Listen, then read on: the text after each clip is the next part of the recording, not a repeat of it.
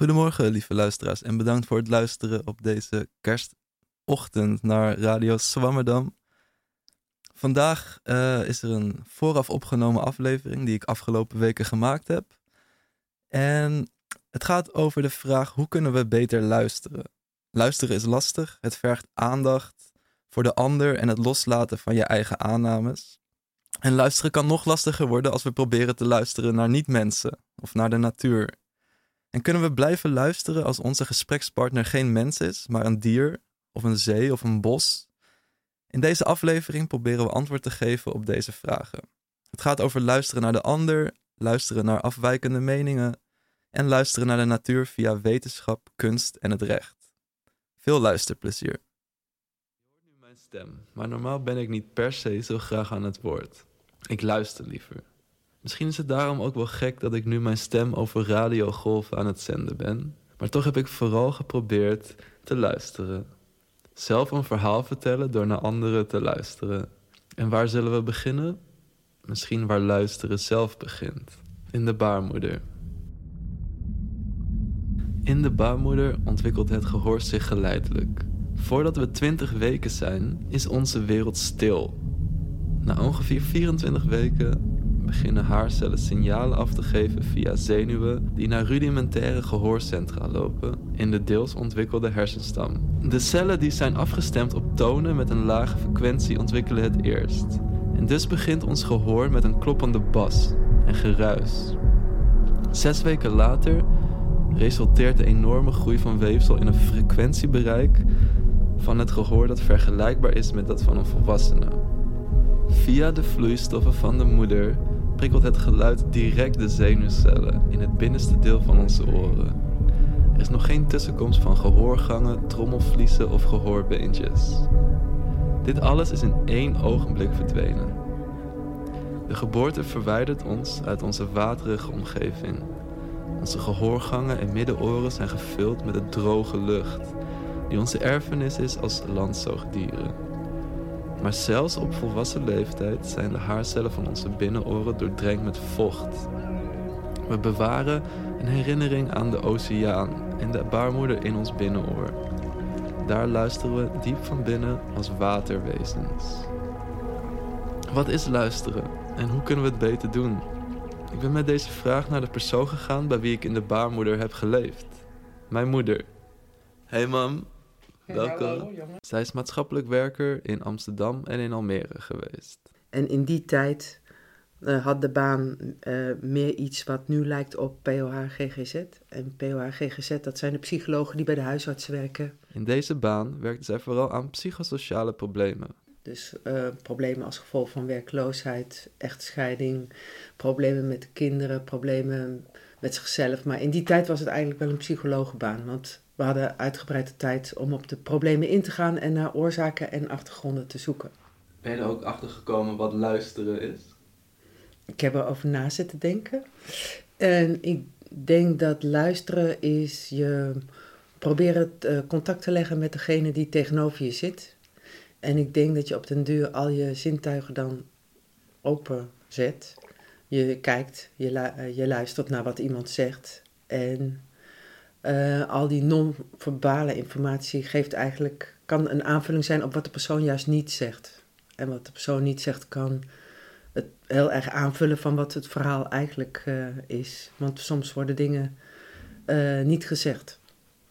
En dan moet je die informatie tussen de regels door en uit op non-verbale informatie zien te halen. En het is de kunst, denk ik, bij luisteren om uh, jezelf min of meer daarin uit te schakelen. En niet alleen alle linken die weer jouw eigen verhaal oproepen, maar je ook bewust te zijn van uh, je eigen vooroordelen en je eigen opvattingen. Dus mensen willen vaak al hun eigen verhaal gaan, zijn bezig met hun eigen verhaal, wat ze willen ja. vertellen, in plaats van luisteren wat er echt gezegd wordt. Ja, dus mensen zijn heel erg met zichzelf in het gesprek aanwezig. En het is de kunst om jezelf uit te schakelen in het gesprek. Om zo volledig mogelijk te kunnen horen, wat wil die ander nou eigenlijk zeggen? En door de juiste vragen te stellen, um, steeds verder, uh, wie goed kan luisteren, kan ook, denk ik, uh, de vragen stellen die nodig zijn om het verhaal nog completer te krijgen. En niet voor jou, maar voor die persoon zelf. Zodat hij zelf zijn hele verhaal ook begint te begrijpen. Dat denk ik. Luisteren is misschien die ander helpen zijn eigen verhaal te leren begrijpen. Oké, om goed te luisteren moet je dus jezelf uitschakelen in een gesprek. Maar hoe goed zijn we hierin? Hoe goed kunnen we onze eigen aannames en opvattingen opzij zetten? En hoe werkt dat in ons brein?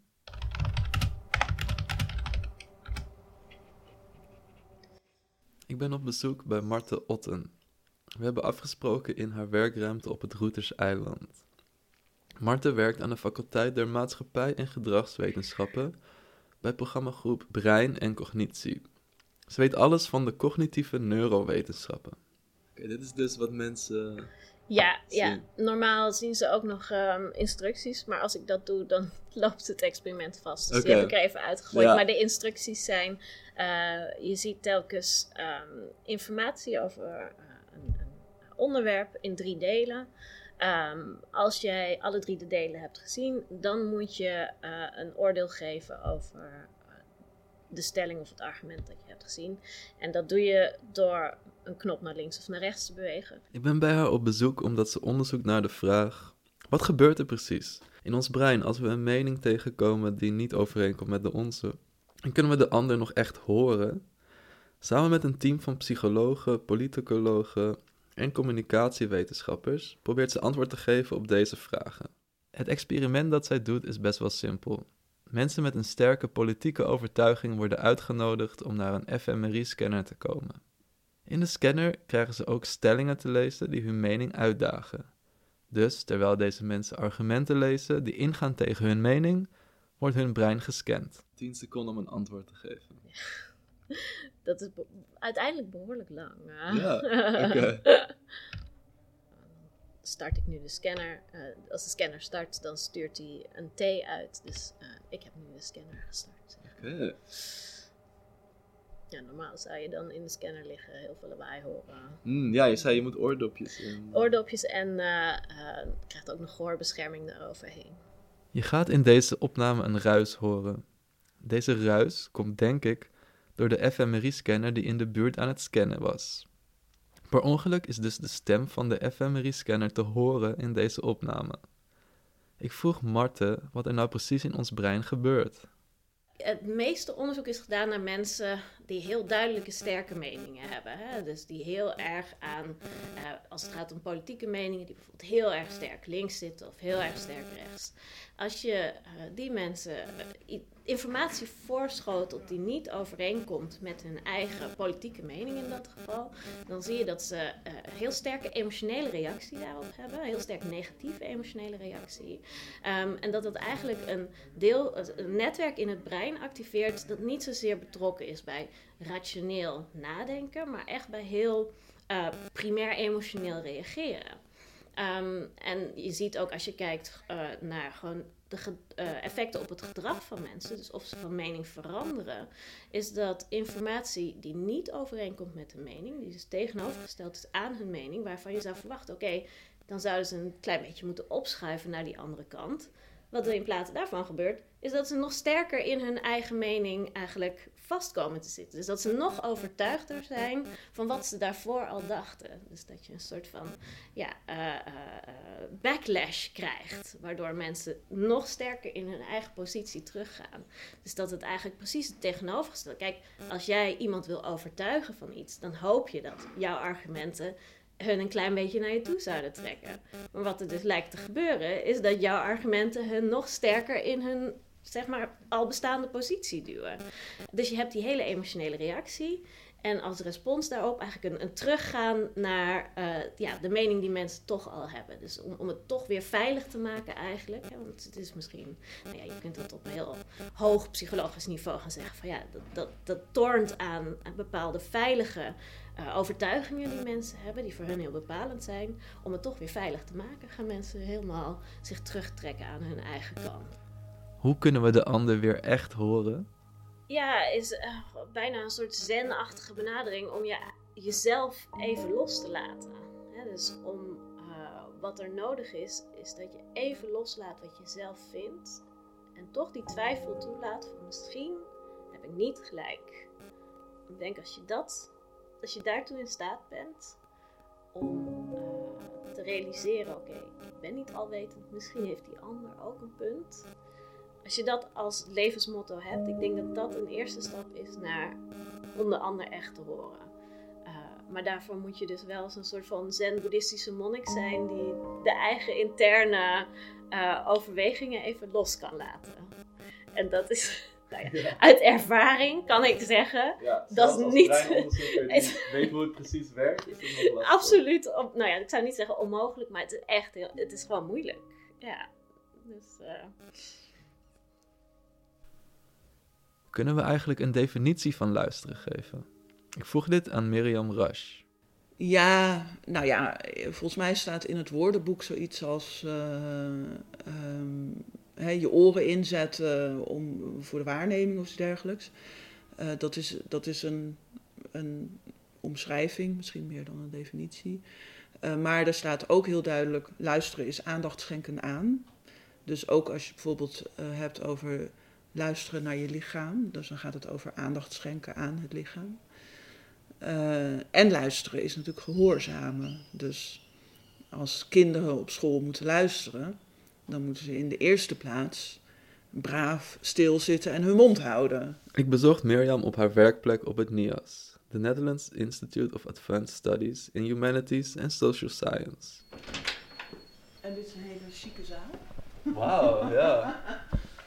Mooie vergadering. Ja, toch? Ik dacht ook van, nou, dat lijkt me helemaal prima. Mirjam zal zichzelf even voorstellen. Ik ben Mirjam Rasch, ik ben uh, essayist, filosoof en ook werkzaam bij de Willem de Koning Academie in Rotterdam. Maar op het moment ben ik writer in residence hier bij het uh, NIAS. Um, en dan ben ik bezig met een nieuw boek. Een boek over luisteren. Nou, het gaat over uh, de ethiek van luisteren. Dus ik probeer eh, te onderzoeken wat luisteren als een soort van ethische houding ons kan brengen, of mij specifiek kan brengen, en dan hopelijk bij uitbreiding ook andere mensen, in zeg maar ja, een tijd die gekenmerkt wordt door polarisatie, overprikkeling, uh, heel veel meningen. Ook wel de druk om je mening te uiten, uh, zelfprofilering. Nou, allemaal dingen die vooral te maken hebben met een soort van het zenden van heel veel dingen. Um, en ik ben benieuwd wat er gebeurt als je de aandacht dan verlegt op, uh, op meer de, ja, de andere kant van het verhaal. Namelijk ja, het luisterende of het ontvangende of het, uh, ja, het, het, stille. Dat is ook een reden voor mij eh, waarom ik dan geïnteresseerd ben in het onderwerp. Omdat ik zelf helemaal niet het idee heb dat ik een hele goede luisteraar ben. Dus ik wil het ook leren. Ja? niet dat je zelf een goede luisteraar bent? Nou, wel, ik ben nu een betere luisteraar dan toen ik begon met het onderzoek. Dat is wel zeker. Dus daarom dat ik ook wel denk dat iedereen niet per se een goede luisteraar kan worden, maar zeker wel een betere luisteraar kan worden dan die al is. Ja. Ja. Heb je zelf al een heel praktisch voorbeeld hoe we dat beter zouden kunnen doen? Luisteren. Ja, nou, er zijn heel veel soort van handboeken en handleidingen en zo die dan tips geven over hoe je beter kunt luisteren. En uh, één manier is bijvoorbeeld om uh, geluiden op te nemen en dan terug te luisteren. En dan hoor je dus heel veel dingen die je uh, in eerste instantie waren ontgaan of die je gewoon niet hebt gehoord. En dan blijkt dus dat er heel veel om je heen gebeurt wat je helemaal niet door hebt. En dat is natuurlijk ook omdat je geen tijd hebt om overal aandacht aan te besteden. Maar op die manier kun je steeds beter een soort van je gehoor trainen, gewoon op de geluiden om je heen. En dan heb je natuurlijk de andere kant is luisteren naar andere mensen. Uh, ja, daar kun je ook wel in trainen. Dan gaat het denk ik vooral over dat je je vooroordelen uh, moet proberen op een afstand te houden. Maar het gaat ook over, hè, dat is heel, iets heel moeilijks, maar nou ja, wel iets wat je, waar je een beetje een soort van oefenen, oefeningen in kan doen. Maar het gaat ook bijvoorbeeld over dat je niet iemand zijn zinnenheid aanvult. Dus dat zijn van die hele concrete dingen. En dan, je merkt, zeg maar, als je erop gaat letten, dat je dat dan heel vaak doet. Of dat andere mensen dat heel vaak doen. Dus het is ook door te kijken naar hoe andere mensen luisteren, kun je daar ook weer heel veel over leren. Luisteren doe je misschien niet alleen met je oren, mm-hmm. maar het is ook een, iets lichamelijks. Ja. Hoe kan je dat uitleggen? Uh, het makkelijkste om te beseffen dat, uh, dat luisteren iets lichamelijks is, is doordat je, nou ja, je, je bent een lichaam in een omgeving, zou ik maar zeggen. Dus de geluiden komen van overal om je heen. Het is een soort uh, driedimensionale ervaring, zou ik maar zeggen. En als je zelf je lichaam beweegt, dan verandert het geluid ook met je mee. Uh, dus dat is overduidelijk nou ja, een, een soort van belichaamd geheel. Maar ik denk dat iedereen ook wel zal herkennen, bijvoorbeeld bij het luisteren naar muziek. Dat je niet alleen maar met je oren naar muziek luistert, maar ook met, uh, uh, nou ja, vrij letterlijk als, als de bassen door je lichaam gaan bijvoorbeeld. Uh, tot meer metaforisch dat je ook met, met je buik luistert of met je hart of met al je emoties die erbij komen. Um, ja, en ik denk dat het daarom ook wel een beetje jammer is dat we tegenwoordig heel veel via de koptelefoon luisteren. Daardoor kun je wel misschien beter luisteren met je oren, maar misschien niet beter met, met die drie dimensies. Hoe kunnen we beter naar de natuur luisteren? Het begint ermee uh, dat je aandacht hebt inderdaad voor dat wat je nog niet weet. En wat, wat, wat die buitenwereld ja, toch de signalen die, die de buitenwereld naar jou toezendt en die, dat je die probeert op te vangen, om maar even heel uh, mechanisch te zeggen. Uh, en daarin geen bevestiging zoekt van wat je al denkt te gaan horen. Dus ik denk dat dat wel een soort van de kern is. Uh, en hoe de mens met de natuur is omgegaan, is natuurlijk juist heel erg uh, zoeken naar wat kan die natuur voor ons doen, hoe kunnen we hem te gelden maken, hoe kan die zo nuttig en efficiënt mogelijk worden ingezet. Dus dat is juist allemaal het zoeken naar de bevestiging van wat je wil dat die natuur doet. En ja, luisteren naar natuur betekent dan toch ook ja, dat, dat toch weer loslaten. Ja. Hmm. Maar ja, ik, ik, ik hou zelf heel erg van de dingen die een soort van fundamenteel echt onkenbaar zijn en ook onvoorspelbaar zijn en zo. En ik zou ook zeggen, dat geldt een soort van bij een gesprek met andere mensen, maar dat geldt natuurlijk al helemaal bij de natuur. Ja, je moet ook ruimte laten voor dat je nooit op een normale manier kunt communiceren. Um, en dat daar ook waarde in zit. En dat alleen al in dat wat je dus nooit kunt begrijpen, dat, dat vertelt dan wel weer iets of zo. Dus ja, dat betekent ook een soort van, ja, ja, een oneindig luisteren. We hebben het tot nu toe gehad over luisteren naar andere mensen. Maar hoe ver gaat ons vermogen tot luisteren? Kunnen we ook luisteren naar niet-mensen? Kunnen we luisteren naar dieren? Kunnen we leren luisteren naar de zee? Ik ben zelf veel in de Noordzee te vinden om te surfen. Surfen haalt je uit je comfortzone. Als tijdelijk bezoeker moet je je wel aanpassen. De zee is een sensuele wereld, een natte omgeving die al je zintuigen aanspreekt. Welke geluiden hoor je allemaal aan de zee? Het geraas van de branding, het gesuis van de wind, een constante ruis die aanswelt en weer zachter wordt. Het gesis van schuim dat oplost op het zand, een meeuw, een naderende storm. Het is allemaal ruis voor ons. Het is geen taal die we kunnen begrijpen. Hebben we wel het juiste referentiekader om de zee en haar bewoners te verstaan? We zijn arrogant en denken niks te horen. Wat betekent het om echt te luisteren naar die Noordzee? De zee heeft patronen, stemmingswisselingen en mysteries. Deze probeer je als surfer te lezen. De zee geeft een heel aantal hints waar je op kan reageren. De zee vertelt je of je links of rechts moet gaan. Je reageert op deze uitingen van de zee, die plaatsvinden aan de oppervlakte en de diepe, onwaarneembare stromingen. Dit vraagt, net als luisteren naar mensen, om aandacht. Je wacht op een golf met de aandacht van een zeevogel. Kijkend naar de kleuren en texturen van de zee, de geur van zoute lucht. De golf komt eraan. Je pakt de golf en staat op. Je geeft het zoute water een knuffel, terwijl het je gestaag een verhaal vertelt.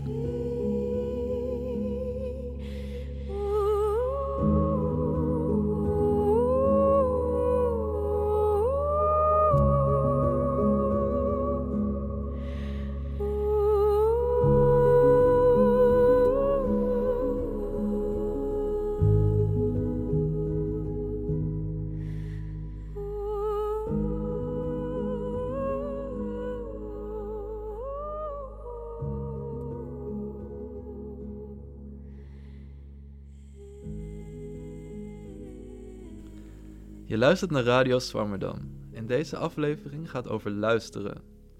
Luisteren naar de ander. Maar wat als we de taal van die ander niet spreken? Bijvoorbeeld de taal van een andere cultuur, van je huisdier of van de oceaan of een bos? Ik heb met intercultureel filosoof Renate Schepens afgesproken in het Safati Park in Amsterdam om het hierover te hebben. Ja, misschien horen we wat auto's, want het is een stadspark. Ja, en ik hoor allemaal, uh, nee, ik weet niet, een beetje lachende kinderen en zo hoor ik ook wel. Of een beetje, een beetje aan het spelen hier, ja. Als intercultureel filosoof probeert zij recht te doen aan andere vormen van kennis, uit andere filosofieën, maar ook niet-menselijke kennis. En als intercultureel filosoof houd ik me bezig met uh, nou, het recht doen aan andere vormen van kennis en verschillende vormen van kennis. Dus met name ook hoe de moderne westerse filosofie zich verhoudt tot uh, nou ja, bijvoorbeeld Afrikaanse of Latijns-Amerikaanse filosofie. En uh, ik wil die kennis ook inzetten, zeg maar, voorbij uh, de menselijke filosofieën of de menselijke filosofie van culturen die er nu zijn. En ook kijken naar ecologische verstaansprocessen, maar bijvoorbeeld ook naar culturen die, uh, nou ja, bijvoorbeeld oudere culturen uit de oudheid, zoals de Etruskische cultuur bijvoorbeeld. dat zijn allemaal processen waar ik me mee bezighoud. Ik geef advies, ik heb een aantal boeken geschreven en ik schrijf nog steeds en ik geef trainingen. Dus... Ze heeft een nieuwe podcast. De tolken. De tolken van andere talen. Ik was best wel veel aan het reizen. Nou ja, nu sowieso natuurlijk met een soort van klimaatbewustzijn. Denk je dat je misschien niet steeds overal naartoe hoeft te vliegen. Maar ook realiseerde ik me in één keer van ja, ik heb me best wel weinig bezig gehouden met een wereld die gewoon heel dichtbij is. Gewoon zoals de bodem waar ik op loop. Of de zee. Ik woon in Egmond aan Zee, de zee. En uh, ik weet ook weinig van het verstaansproces. Zeg maar, hoe, hoe kan je luisteren naar het leven dat in de zee is? Of het leven dat onder je voeten in de bodem is. Oh, ik zie je hebt het echt heel koud. We kunnen ook gaan wandelen anders zo hoor. Nee hoor, goed. Nee, oké, oké. Ehm, ja, dus, dus toen dacht ik van, oh, daar wil ik me eigenlijk veel meer in verdiepen. In werelden heel dichtbij. Maar waarom weet ik er zo weinig van? Uh, dat ben ik niet als enige, maar we leren daar ook niks over op school. En uh, nou ja, ook, dan hebben we misschien ook een andere manier van communiceren, een andere manier van denken nodig. Nou ja, dat fascineerde me onwijs. En ja. toen dacht ik van ja, er zijn misschien wel mensen die zich hier al wel heel lang mee bezighouden. Dus in plaats van dat ik dan zelf ga proberen om al die talen te leren, ga ik spreken met mensen die wel die talen verstaan. Wat heeft ze al geleerd van deze gesprekken? Tanja Dekker, ook een van de tolken. Zij is bodemdeskundige en met haar heb ik een podcast gemaakt over de taal van de bodem. Zij zegt bijvoorbeeld van voel hoe je loopt op deze bodem. Voel je of de grond veert. Als die veel meer veert, dan is die bijvoorbeeld veel gezonder. Dan zijn er veel meer microben in uh, actief. Dus je bent niet alleen maar aan het horen, maar je bent ook aan het voelen met je uh, voeten. Zo kan je ook uh, ruiken welke geur uh, de omgeving heeft. En je kan kijken naar de kleur van de, uh, van de aarde. En dus het is voelen, proeven, kijken. En het is niet alleen met je oren. Wat is die manier van denken en communiceren? Ook het werken met computers bijvoorbeeld en een voortdurende binaire indeling dat dat ons ook steeds meer zelf laat denken als een computer. Want we moeten eigenlijk die programmeertaal gaan denken om te kunnen communiceren met die computer. En we leren dus steeds zelf ook om bepaalde orders op te volgen. Die, uh, ja, zoals wij moeten werken, zodat die computer ons begrijpt. Maar dat zijn natuurlijk hele efficiënte binaire manieren van denken. Dus dat zou ook nog invloed kunnen hebben op ons denken. En dan zou je kunnen zeggen, als we veel meer, nou ja, uh, interactie hebben met de natuur of niet, die uh, ingedeelde, gecategoriseerde manier van denken, dat, dat dat misschien ons denken ook weer ruimer maakt. En ik bedoel, wij zijn ook zelf natuur. Hè? Dus interactie met de natuur. Als je met andere mensen spreekt, heb je ook interactie met natuur natuurlijk. Tenminste, in mijn idee zijn we ook natuur. Ja, uh, heb jij een idee van hoe we onszelf, onze eigen denkbeelden en wereldbeelden meer zouden kunnen loslaten en meer bewegen naar een houding waar we kunnen luisteren naar de natuur? Um, ja, ik zou zeggen, ga gewoon beginnen. En niet alleen met luisteren naar de natuur, hè, maar gewoon in het algemeen naar diversiteit en openstaan voor denken. Dus misschien, je kan ook al gewoon met mensen beginnen om juist mensen op te zoeken waarvan je denkt, oh die denken best wel anders dan ik denk. En dan niet meteen met het idee van ze te overtuigen dat je ook wil dat ze zo denken als jij denkt, maar juist, dat is misschien dichterbij. Gewoon beginnen van, waarom denken ze zo? Wat is de context? waarin zij zitten. En kan ik vanuit die context begrijpen waarom mensen zo denken? Nou, dat is misschien een eerste stap. En dan kan je uh, op een gegeven moment kan je ook gaan kijken van nou kan ik gewoon wat langer uh, op een plek zijn waar ook uh, dieren of andere. Ja, nou ja, misschien beginnen met dieren. Die staan ook nog wel emotioneel redelijk dicht bij ons. Hè. Ik heb nu Daisy, mijn hond, meegenomen. Ja, ja, ze is echt een schatje, zit hier ook heel braaf. Um, maar dat vind ik trouwens, want ik, heb, ik weet ook niet veel van honden. Ik heb pas sinds januari een hond. Maar daar, daarin merkte ik ook al dat ik eigenlijk mijn manier van communiceren aan haar aan het opleggen ben. Want uh, ik zeg tegen haar zo van, nou ja, nu moet je bijvoorbeeld even wachten. Hè? Dan moet ze mijn woorden leren, want mijn manier van communiceren is met taal. Terwijl haar manier van communiceren is met geur. Of ja, geur en kijken en laag bij de grond kijken. Hè? Maar zij heeft zich helemaal afgestemd op mij. Dus ik word ook weer daar bewust van: oké, weet je, ik zou ook niet zo goed weten van hoe ik met geur moet. Zeg maar, ik ga niet plassen in het huis of zo. maar het laat zien dat we voortdurend eigenlijk het gewoon vanzelfsprekend vinden dat andere wezens zich aanpassen aan onze manier van communiceren en van zijn. En ik denk uh, ook los als je nog niet helemaal afstemt op die andere manier van communiceren. Het bewustzijn daarvan, dat je denkt als je met uh, andere wezens in interactie bent, dat je al denkt van hé, maar hoe zouden zij communiceren? Alleen al dat bewustzijn, dat zorgt ook voor een meer open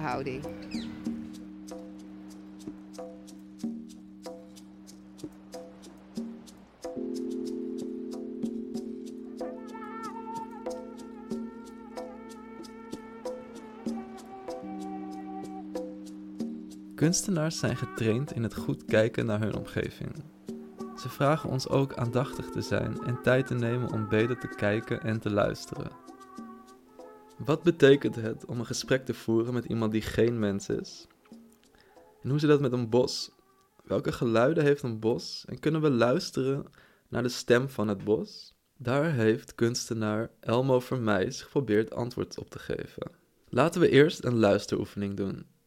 Een manier om, uh, om, naar, om eigenlijk naar dat bos te kunnen luisteren, is, is dat je je voorstelt dat je in een bos loopt en dat je naar een boom op zoek gaat die ongeveer 10 tot 15 centimeter diameter heeft.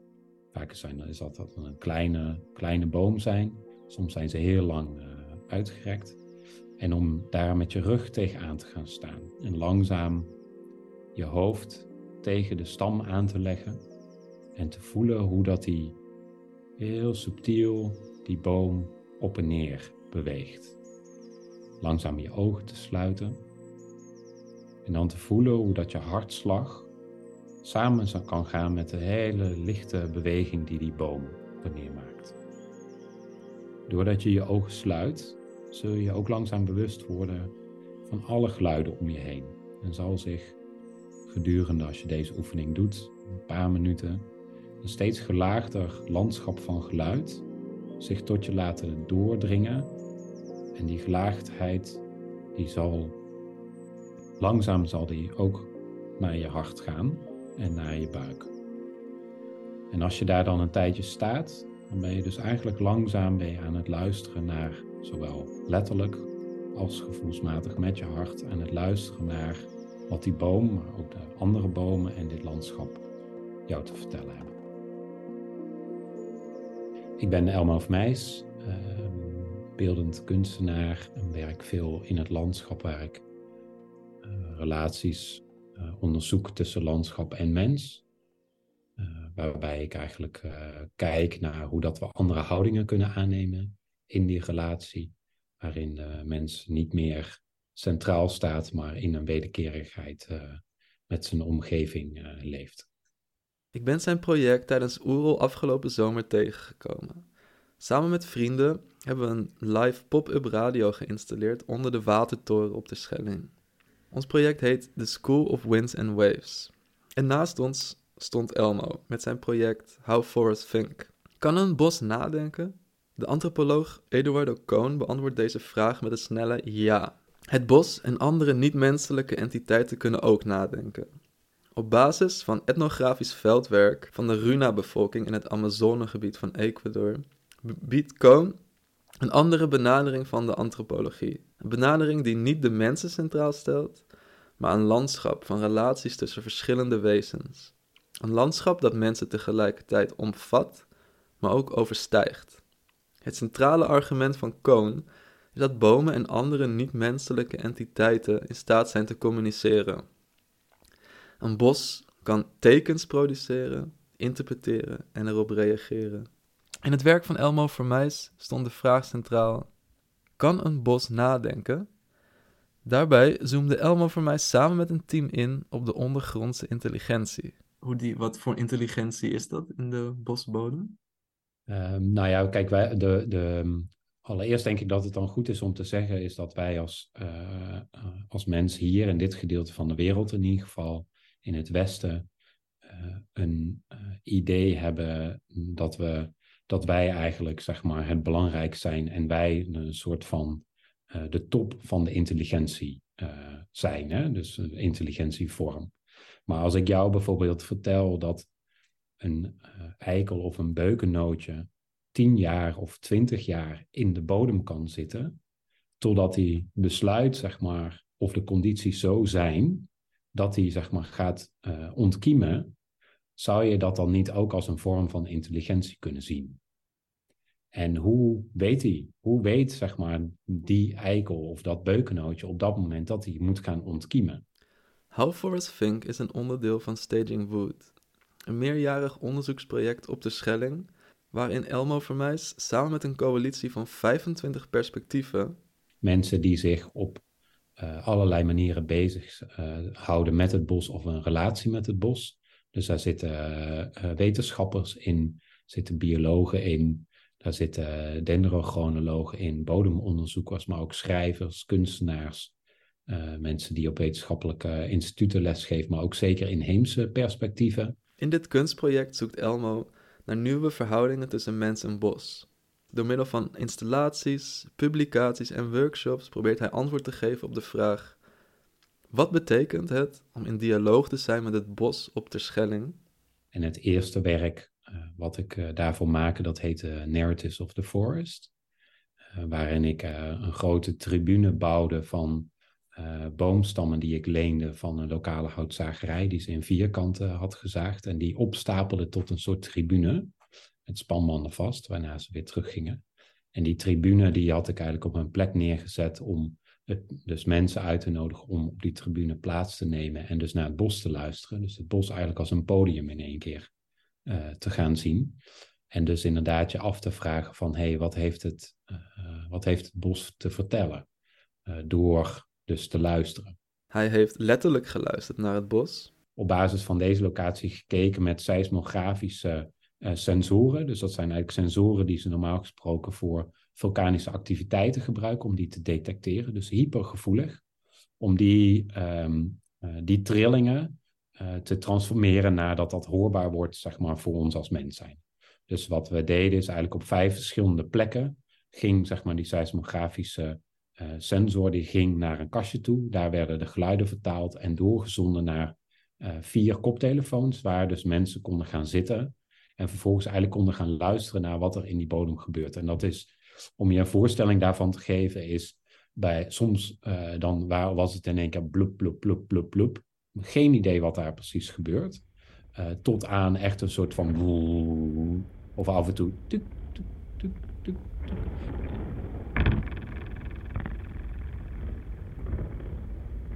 Dus er waren hele verschillende uh, trillingen die werden gedetecteerd. En dit is iets wat in Nederland zeg maar, op wetenschappelijk niveau echt nog in de kinderschoenen staat. Dus we zijn bijvoorbeeld in Zwitserland wel aan het kijken, kun je op basis zeg maar, van die trillingen en de frequenties van die trillingen, wat kun je dan zeg maar, detecteren of over de gesteldheid eigenlijk van die bodem zeggen? Wat daar, wat daar eigenlijk gebeurt.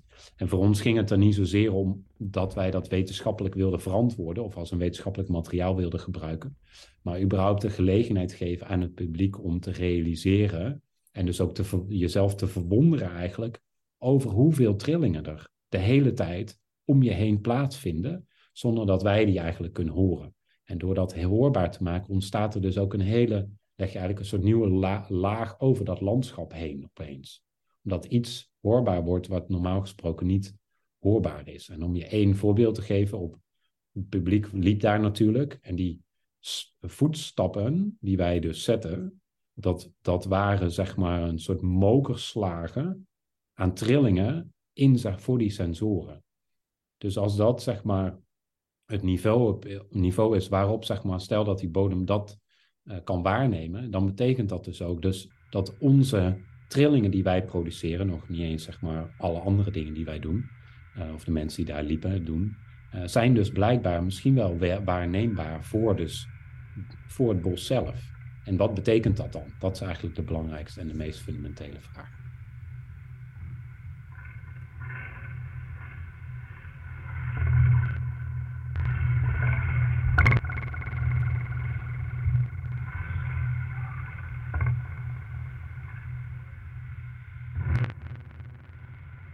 Voor het project How Forest Think heeft Elmo ook een verdiepend programma ontwikkeld, waarin hij samen met het publiek onderzocht wat wij kunnen leren van de ondergrondse intelligentie.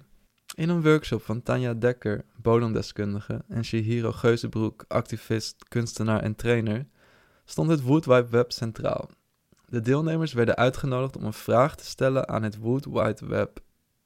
Het Wood Wide Web is het netwerk van schimmeldraden dat zich over vele kilometers kan uitstrekken.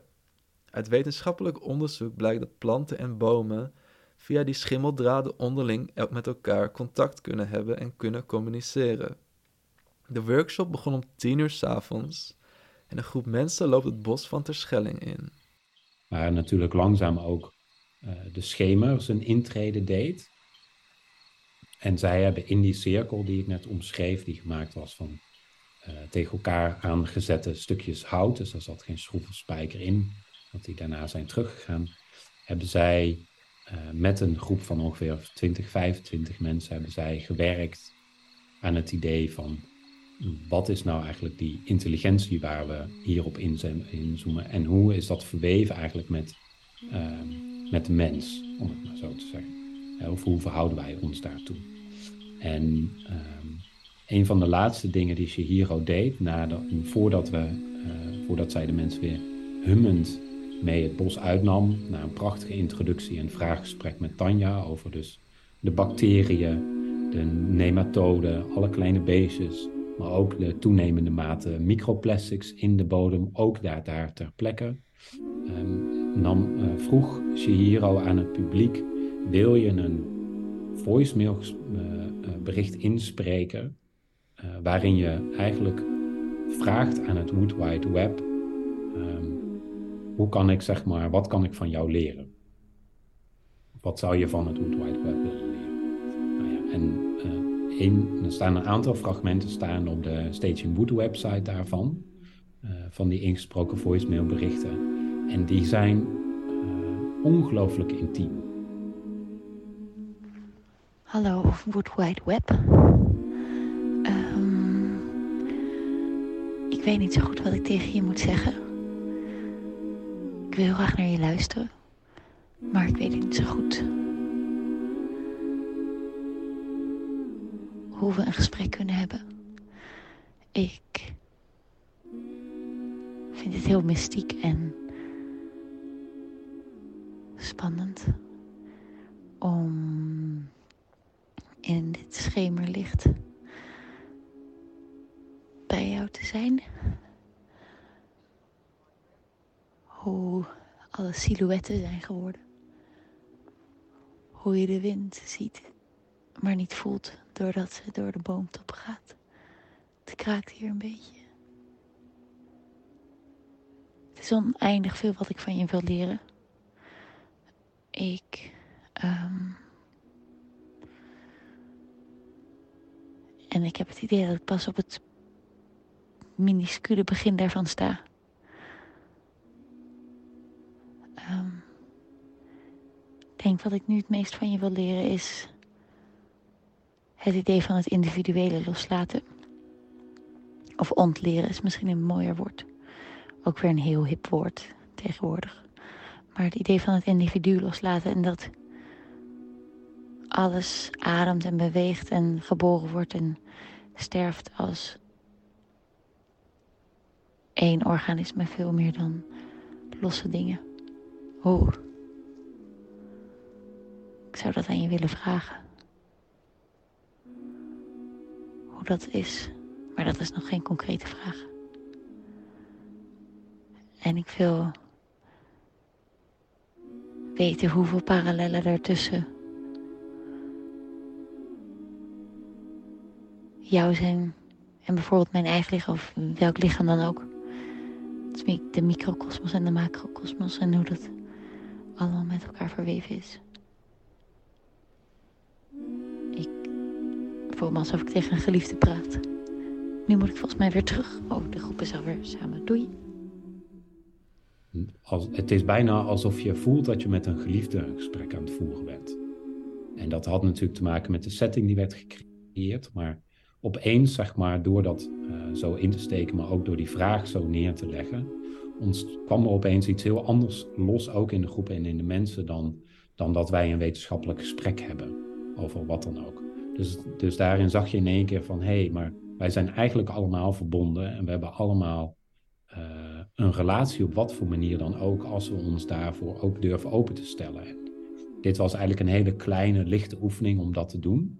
Uh, er wordt uh, in deze tijd ook veel gesproken weer over het soort van zoeken naar, naar rituelen. En ik ben heel erg van in overtuiging dat rituelen eigenlijk iets zijn wat tientallen, decennia, honderden jaren achter elkaar uh, oefeningen zijn van iets. En daarom noem ik het ook nog geen rituelen, omdat ik denk dat we nog heel veel te oefenen hebben voordat we daar überhaupt over kunnen spreken. Maar dit zijn het, het aanraken eigenlijk van iets wat we eigenlijk heel erg diep van binnen kennen, maar waar we eigenlijk in onze maatschappij zo weinig ruimte voor maken, maar waar wel in toenemende mate, dat zie ik in ieder geval in mijn omgeving, wel heel veel behoefte aan is.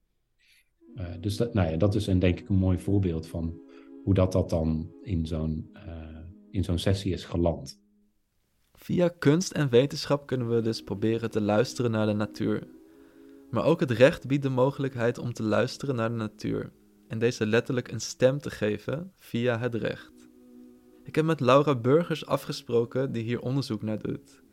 Zij heeft zelf ook bij Radio Swammerdam gewerkt. En ik was eigenlijk de vierde redacteur die aanschaf. We hebben het de hele tijd lang met z'n vieren gemaakt. Het was echt te gek om te doen. Ik heb er superveel van geleerd. En jammer genoeg zijn die afleveringen niet bewaard. Maar we hebben echt heel erg mooie afleveringen gemaakt. Laura Burgers werkt als universitair docent. En het Amsterdam Center for Transformative Private Law van de UvA. We ontmoeten elkaar op het Routeseiland op de rechtenafdeling van de UvA.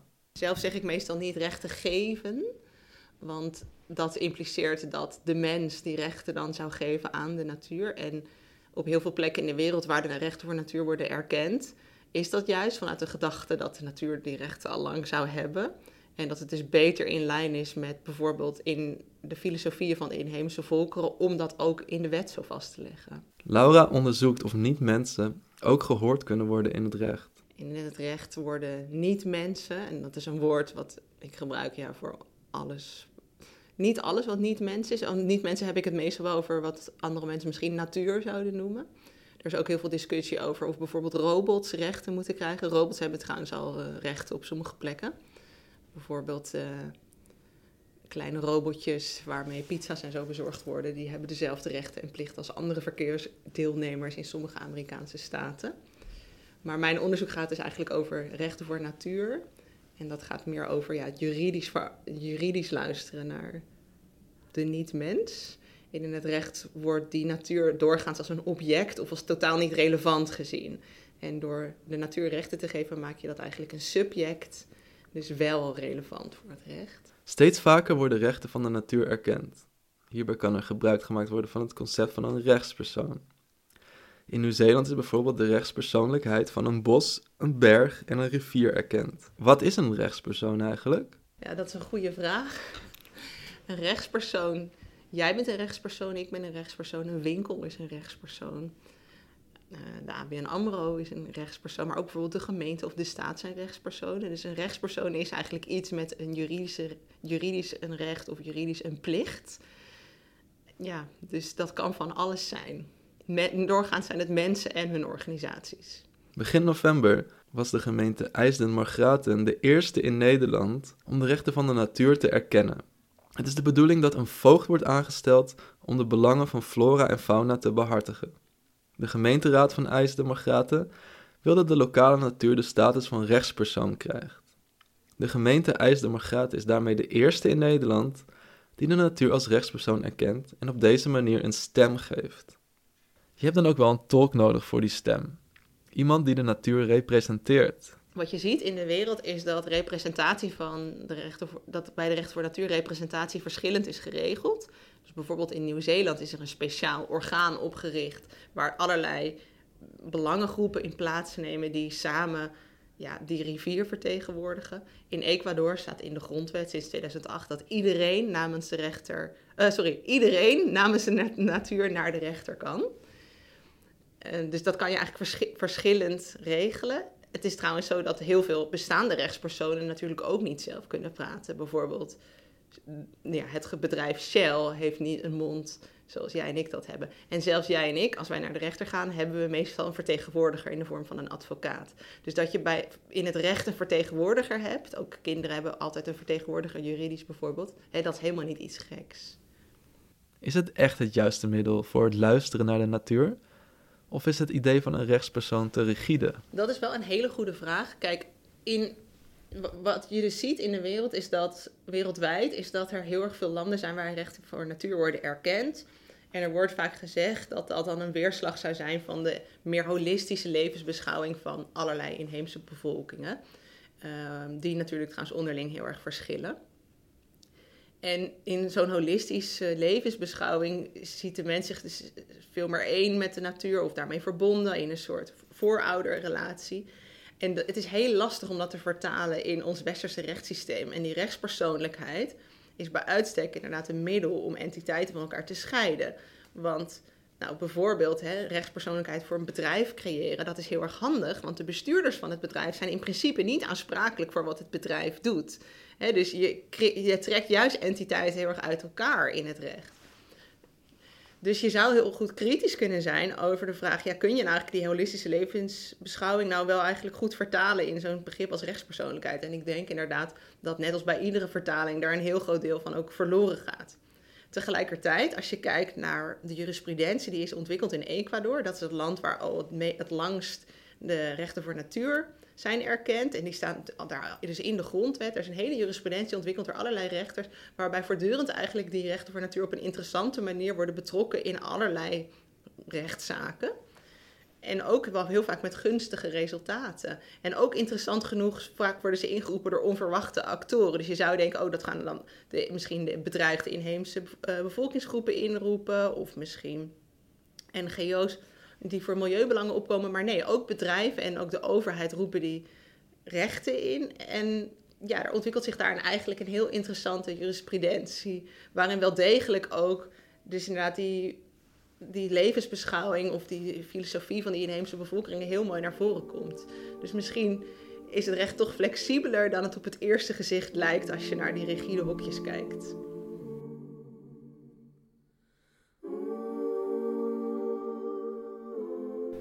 Op 16 oktober 2022 zijn bomen, wetenschappers, kunstenaars, advocaten en publiek samengekomen in het Amstelpark voor een rechtszaak.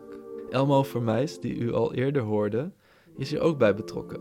Ik heb twee milieujuristen gevraagd, uh, Jan van der Venus en Jessica den Outer, die zich begeven in het idee rondom rechten voor de natuur, zoals wij dat hier in Nederland noemen wat afstamt van de eerste ideeën die in Ecuador en in Bolivia zijn neergelegd, ook op grondwettelijk niveau, waar ze het rechten voor Pachamama, oftewel Moeder Aarde noemen, heb ik gevraagd om uh, namens de bomen een aantal juridische pleidooien te schrijven die we in een speculatieve rechtszaak hebben geanceneerd. Dus ik heb uiteindelijk het parlement een installatie gebouwd, het parlement van de bomen, waarin we hebben gekeken als die, rechten, als die bomen nou rechten hebben, hoe zou het dan werken als zij gerepresenteerd moeten worden? En dus hun lokale vervuilers ter verantwoording roepen. Wij staan hier vandaag voor u als advocaten van deze 6000 bomen van het Amstelpark. Als pleitbezorgers voor de rechten van deze bomen. En wat die bomen duiden, is, is in ieder geval zes soorten die we hebben onderzocht. Die duiden dat een aantal van hen uh, op dit moment echt heel, het heel zwaar hebben. Dus die kunnen eigenlijk de droogte vaak niet aan. Dus die laten dat ook zien. Die kunnen wel een jaar of twee jaar droogte aan.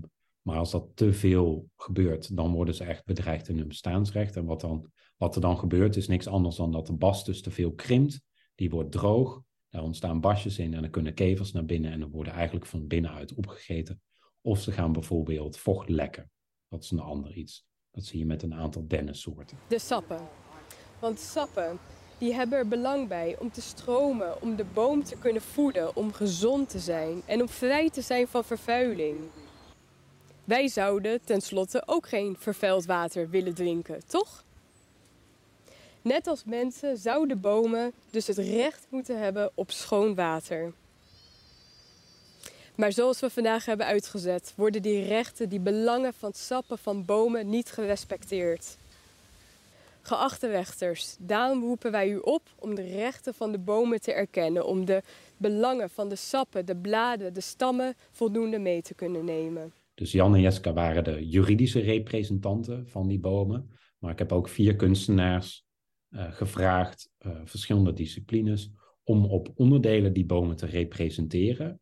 En vervolgens is er een verweerder geweest. Er waren twee getuigendeskundigen, waaronder de wetenschapper. Als ik u zou vragen, van wie bent u eigenlijk? Wat zou u dan antwoorden? Bent u van uzelf, van uw ouders, van uw kinderen, misschien van uw partner, uw werkgever, de samenleving, de staat of nog iets anders? En hoe zit het dan met deze bomen hier? Mogen die ook van zichzelf zijn en van elkaar? Want eigenlijk in Nederland is het heel raar geregeld. Want alle natuur is in bezit. En bezit betekent dat je ermee mag doen wat je wil. Vroeger was dat ook zo met de slavernij, dat hebben we gelukkig afgeschaft. Maar wij plunderen nog steeds die natuur. En natuurrechten zouden een oplossing kunnen zijn om dat te voorkomen. Dat natuur weer gelijkwaardig wordt aan de mens. Omdat wij als mens daar onderdeel van zijn.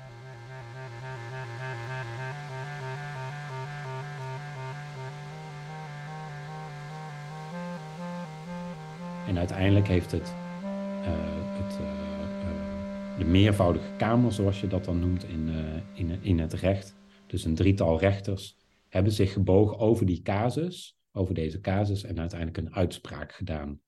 Dan komt het college tot de slotconclusie. Hebben bomen rechten en zijn deze geschonden? Het college is het eens met de eisers dat er een vergelijking kan worden gemaakt met de wijze waarop de rechten van mensen zijn verankerd en gewaarborgd.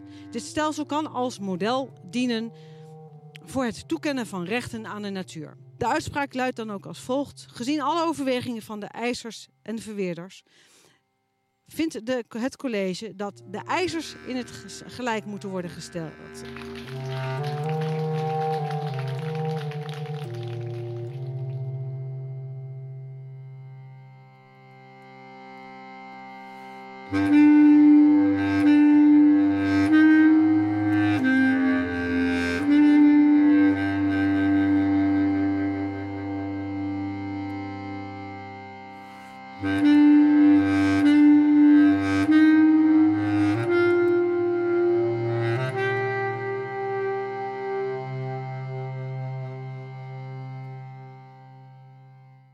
U luistert naar Radio Swammerdam.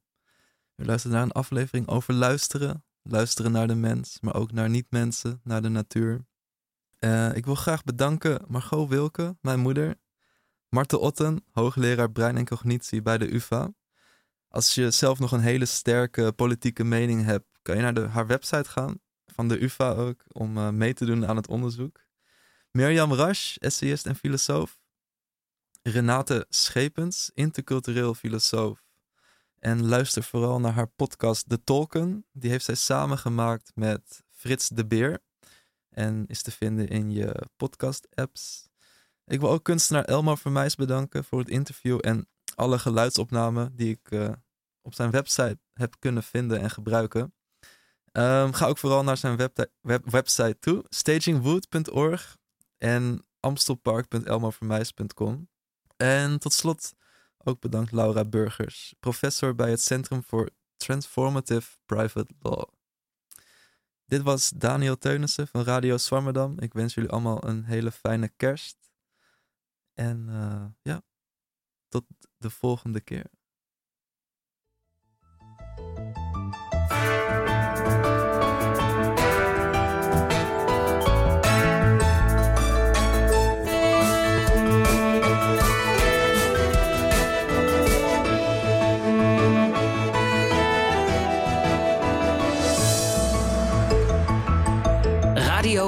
Radio Swammerdam.